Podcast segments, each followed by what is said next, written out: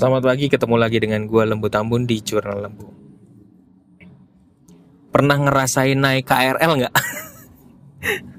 naik KRL, ya, atau naik mobil sendiri gitu.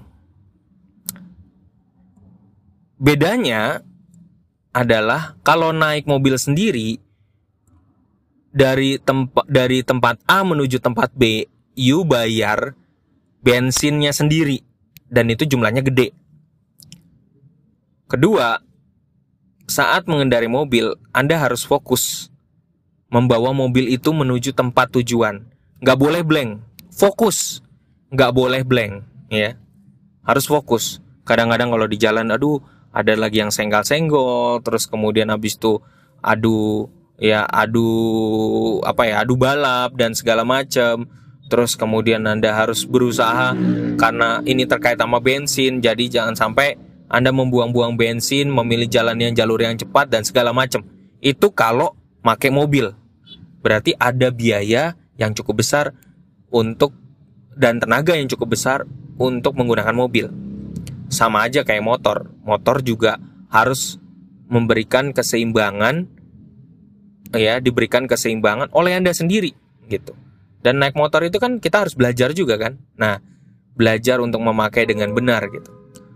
Nah, berbeda dengan kalau ketika Anda naik kereta. Kalau naik KRL, berapa sih bayarnya KRL? Ya kan? Bayar KRL itu sekitar 4.000 sama 5.000. Tapi KRL udah bisa menentukan kepada Anda untuk tujuannya dengan biaya yang murah. Tujuannya dengan biaya yang sangat murah. Tanpa bayar terlalu mahal.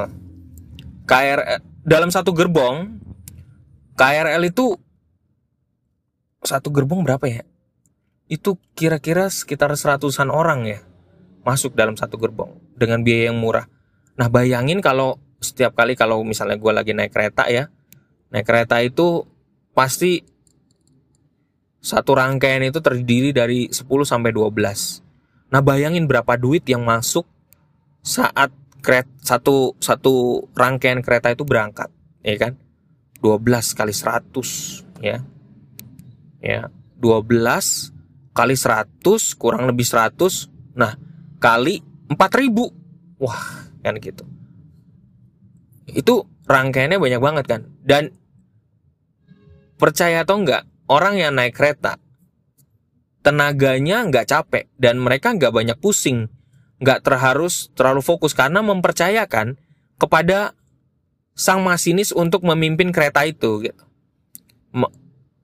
Semua orang yang naik kereta listrik mempercayakan dirinya kepada masinis yang membawa kereta itu sampai tujuan dan kita harus mengejar itu bersama dan kita harus ngejar kereta itu kan dan kita berharapnya pasti selamat dan tenaga kita nggak terlalu capek itulah analogi inilah yang membedakan antara orang yang bermain saham sama yang berinvestasi sekali lagi orang yang di sinilah analogi yang kita bisa pakai untuk menggambarkan para pemain saham dengan para investor yang ada di reksadana.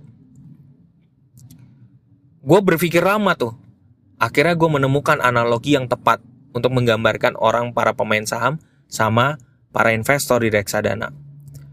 Para investor di reksadana gak mau pusing.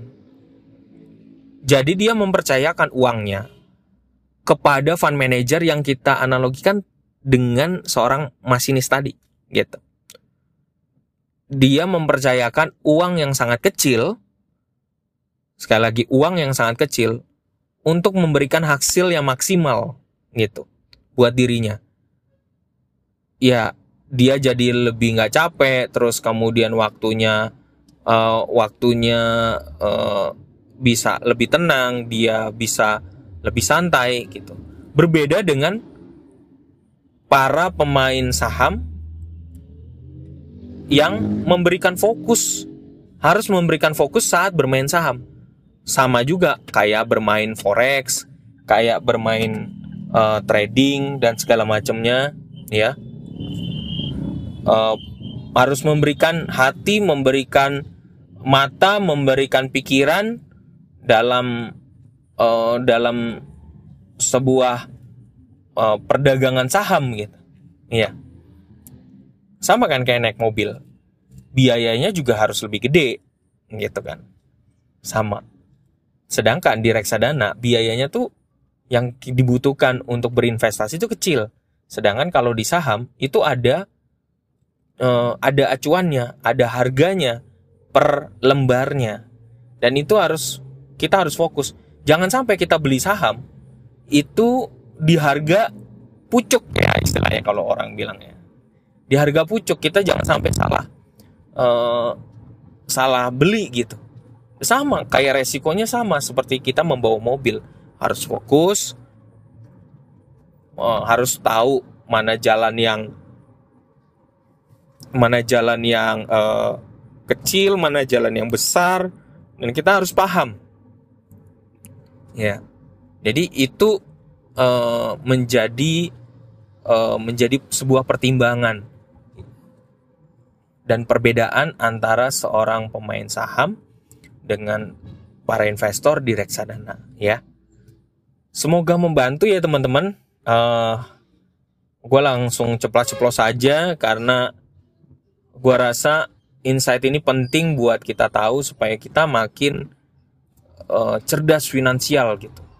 Kalau anda termasuk orang yang takut dan hanya hilang, maunya resikonya kecil, tetapi untungnya juga pelan, tapi konsisten, masuk aja di reksadana. Ya, paling nggak di reksadana pasar uang. Ya, biarkan fund manajernya yang bekerja untuk anda. Sedangkan anda yang sudah memiliki belajar di pasar modal, memiliki ilmu, uh, saya saranin buat para rekan-rekan yang mau mempersiapkan diri untuk belajar di pasar modal, belajarlah lewat idx.co.id ya untuk belajar saham. Siapa tahu ilmu-ilmu ini suatu hari akan berguna pada saat di masa pensiun kita gitu. Ya. Kenali dengan baik profil kita, profil resiko kita karena jangan sampai hasil kerja keras kita, uang yang udah kita kumpulkan itu sia-sia di masa tua kita gara-gara salah mengenal profil resiko diri kita sendiri gitu. Salam dari gua lembut ampun.